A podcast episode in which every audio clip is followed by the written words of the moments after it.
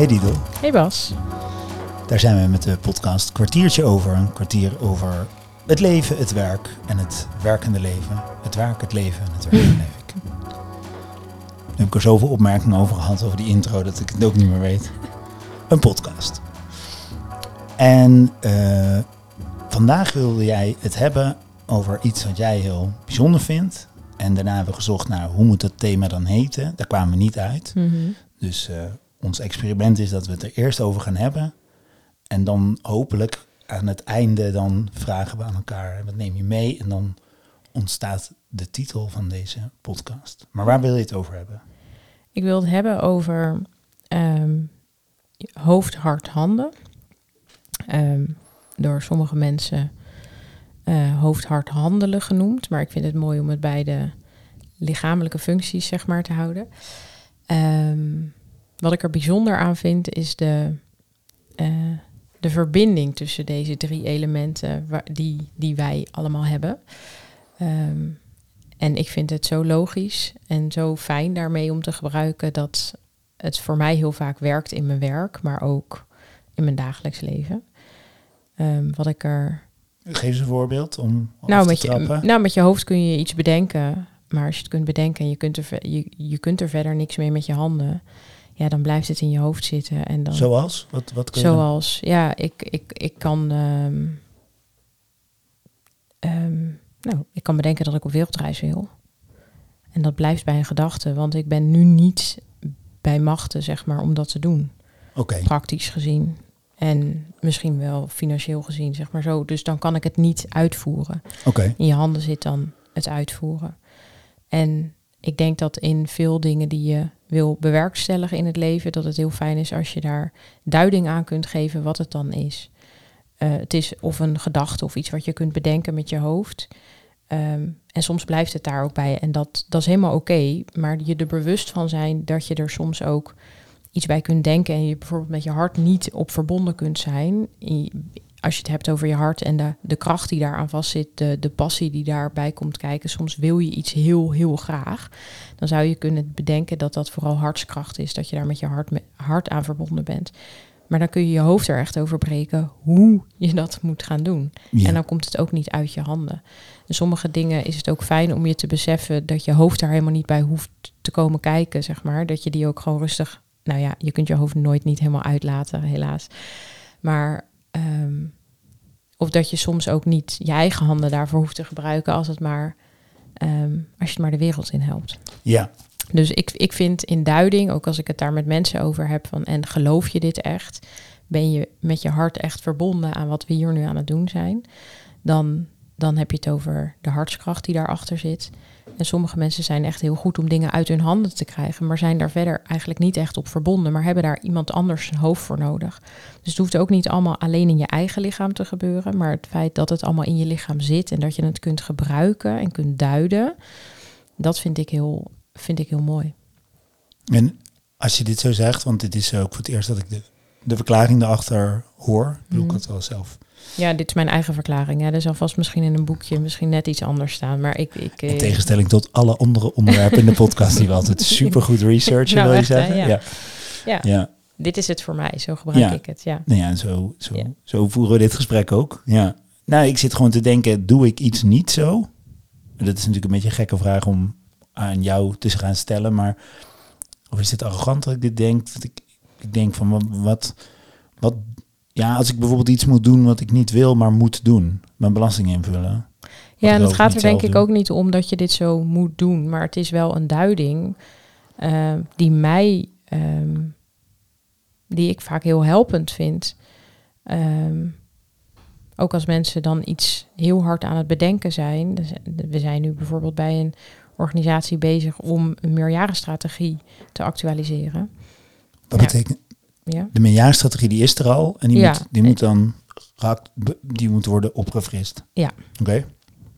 Ehm, en dat kun, je kunt daar een heleboel over bedenken en allemaal opschrijven. Dan komt dat uit je handen. Maar ben je er ook echt dan, zeg maar, by heart mee verbonden? Is dit wat de organisatie verder gaat helpen? Geloof je dat echt? En is dat wat je ziet in organisaties, dat het dus daarop hapert?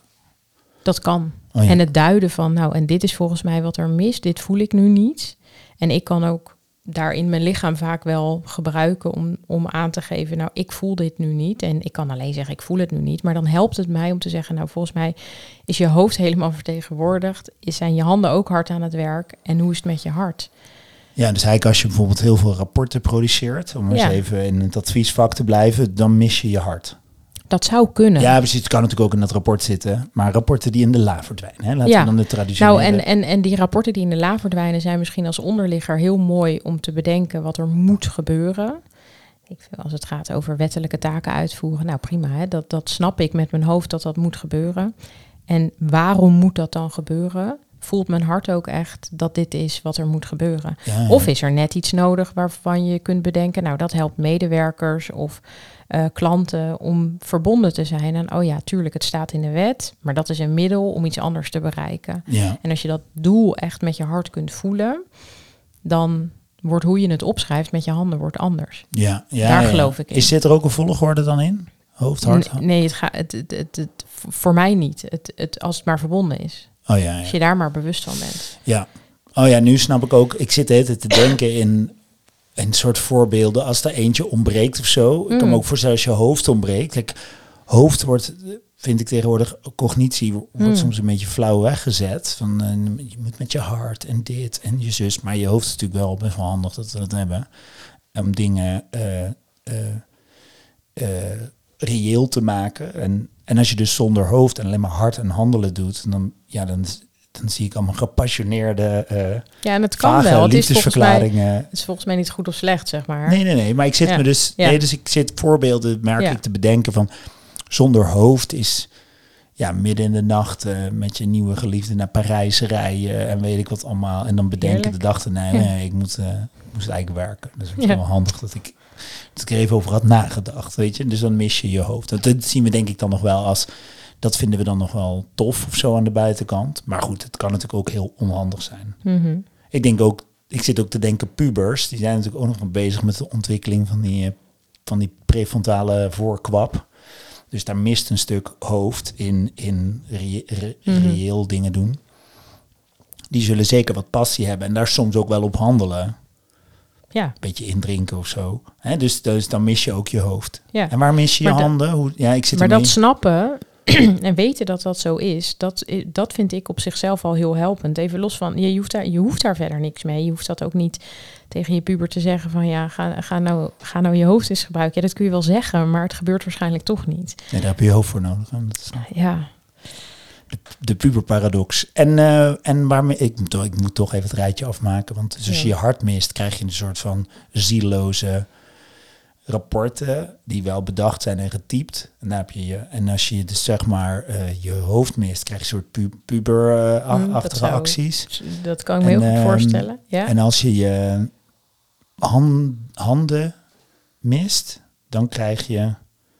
Nee, dan heb je misschien wel een. ehm, ben je misschien wel eh, aan het promoveren? Ben je bij hart helemaal verbonden aan het onderwerp? En weet je waarom je dit doet? Heb je het in je hoofd helemaal uitgedacht? Maar is je promotieboekje er nooit gekomen? Oh, ja, Komt het ja. niet uit je handen? Ja, het- en ik moet ook denken bijvoorbeeld aan goede doelen. Aan de, de, de, de- meer een soort het maar eens uit te voeren. idealisme. Eh, goed over nagedacht. Dit heeft de wereld nodig. Bij hart verbonden. Maar hoe, hoe dan te doen? Ja, soms is het ook wel heel complex om dat voor elkaar te krijgen. Vaak ook in een groep met mensen. En wie, dan wordt het ingewikkeld. En dan krijg je het niet voor elkaar. En wanneer lukt het alle drie? Want dat is natuurlijk wel... De sweet spot. Nu we er toch, nu we er toch zijn. Nou, ik denk dat nooit een hele lange tijd met meerdere mensen allemaal lukt. Maar dat als je op sommige momenten, als je dat, als je dat in ieder geval bij jezelf langs gaat. En ben ik in verbinding met mijn hoofd, mijn hart en mijn handen. Lukt me dat? Of waar heb ik net iets meer of minder van nodig? En je doet die scan eigenlijk door je lijf heen. Wat is hier nodig? Dat je daar dan ehm, nou, een soort detectie doet eigenlijk, is het. Hè? Van nou, wat is hier nog meer nodig? Maar als het allemaal lukt, ja, dan ben je dus inderdaad eh, een heel bevlogen, mooi document aan het maken waar mensen echt iets aan hebben en ook die verbondenheid op voelen. Ehm, of hou je een praatje als eh, eh, spreker en komt dat helemaal over omdat je en gepassioneerd bent en je een goede stem hebt en je hebt nagedacht over hoe je dat moet gaan doen. Dan zit je in, in een soort sweet spot, denk ik. Dan lukt het. En, niet, en daarmee zeg ik niet dat het niet zou lukken op het moment dat er een van de dingen niet is. Maar bij sommige. Um, nou ja, ik denk inderdaad, als je echt een spreker bent, iemand die een TED-talk houdt bijvoorbeeld. je moet echt wel weten waar je het over hebt. Dus daar heb je waarschijnlijk echt goed over nagedacht. En je bent er heel erg mee verbonden, want anders dan stond je daar niet gepassioneerd iets te vertellen. Maar je kunt nog zo mooi uh, nutty professor zijn, maar als je dat niet op een podium kunt vertellen, dan komt het niet op die manier in ieder geval uit je handen. Krijg je misschien wel een prachtig boek of een heel mooi artikel, maar is dat niet hoe je het manifesteert? Maar als dat wel op die manier gebeurt, ja, dan ben je volgens mij op, ben je op een TED-talk ben je op de goede plek. Maar als je mensen nodig hebt die een, die een boek lezen en je kunt het op die manier heel goed uit je handen krijgen, ja, dan is het ook heel erg gelukt. Ja, ik wilde ooit een TED Talk uh, gaan doen, nadat ik een vriendin dat had zien doen. En, uh, maar ik had geen onderwerp, ik had geen hoofd. dus ik dacht, ja, dit lijkt me heel tof en zo. Er zit natuurlijk ook veel ego bij, want dan sta ik daar straks. En het leek me mm. waanzinnig om voor zo'n gigantisch scherm te staan. En dan niet slides met bullets te presenteren, maar alleen hele mooie foto's. En toen, oh, dat is wel grappig, toen werd ik een jaar geleden of zo, ja, een jaar geleden gevraagd om bij een ja. afscheidssymposium te spreken. En ik had onthouden dat daar 250 man kwamen, dat waren er 100. Maar dat was maar ik, ik zat al in een soort TED-talk-achtige setting.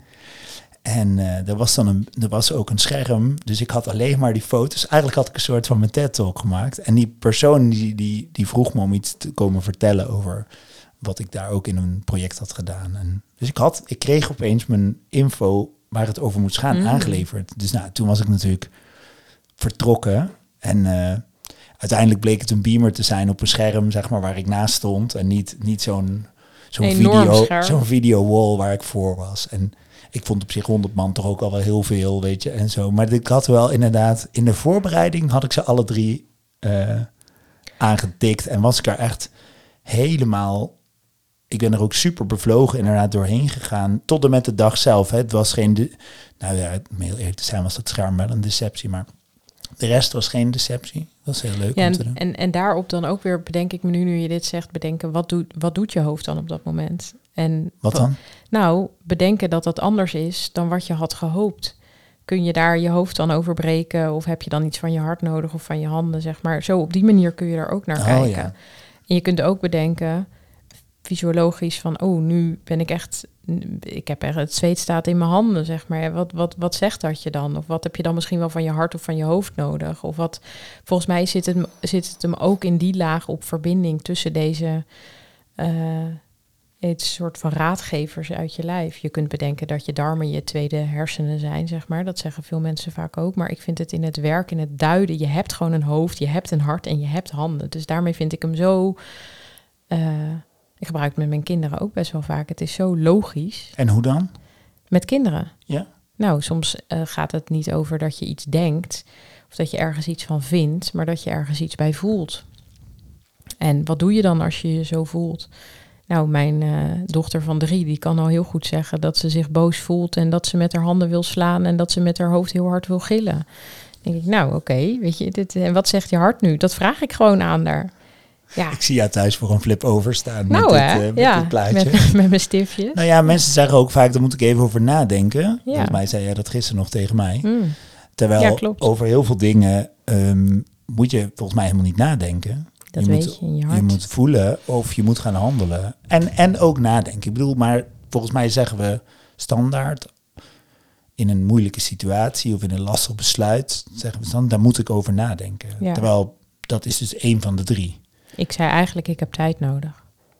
Misschien wel. Of dus een tijd kan betekenen dat je iets met je handen doet, iets met je hart of met je hoofd. Maar dat je, dat, als ik zeg dat ik het nog niet helemaal weet, misschien weet ik het bij mijn, met mijn hart wel. Maar moet mijn hoofd daar ook nog even mee verbonden zijn om het ook echt goed uit te kunnen spreken?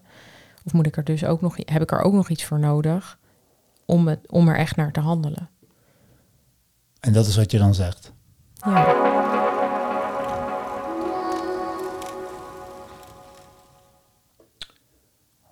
Oké. wat is het thema Ja, oh ja. van deze podcast? ik was hem alweer vergeten. Ja. Ehm, Nee, laat de vraag los. Ja, wat, wat, wat, wat, wat blijft erbij hangen? Wat wil je nog zeggen? Of wat, nou, het, gaat, het gaat voor mij heel erg over verbinding en over een bepaald bewustzijn op hoe je handelt. En doet en denkt en voelt. En Ja, want je zegt ook, je hoeft er niet e- echt iets mee te doen. Hè? Als je het maar... nee, het helpt, ik, het helpt mij juist om er niet per se heel veel mee te doen. Daar ook niet naar te streven, maar me er wel bewust van te zijn. En als ik het in contact met anderen bewust maak, dan doet het vaak al heel veel. Ja, In verbinding. ja. Ja. Hoe resoneert het bij jou? Eh, nou, ik, ik voel een soort van kracht bij mezelf in handelen. Mhm. Executiekracht, Mhm. operationele slagkracht, noem het hoe je het wil noemen. En daarmee dus ook wel, denk ik, mensen kwijtraken daarmee. Omdat ik dan heel erg daar de focus op leg. En ook mensen die dat niet doen vaak lastig vind. Mhm. Of eh, traag of zo. Hè? Dus dat ik dat mis. Maar dat het voor mezelf wel een goede cue is van heb ik mijn hoofd en mijn hart er wel al aan verbonden? Of is het ook gewoon een soort standaard eh, reactie? Nou, zo. Dat ik daar, daar wat bewustzijn op heb, ja. Ja, dus ook het woord bewustzijn komt ook wel bij me op. En als ik denk, ja, we noemen het bewustzijn, dan denk ik, Klopt leuk, niet. had ik nog wat anders willen vertellen. ja, Nou, we hebben er nog een paar weken over voor, om erover ja na we te komen er denken. eigenlijk gewoon niet uit. Ja, Ja, nou ja. Je merkt het wel aan de titel. ja. Dag Dido. doei.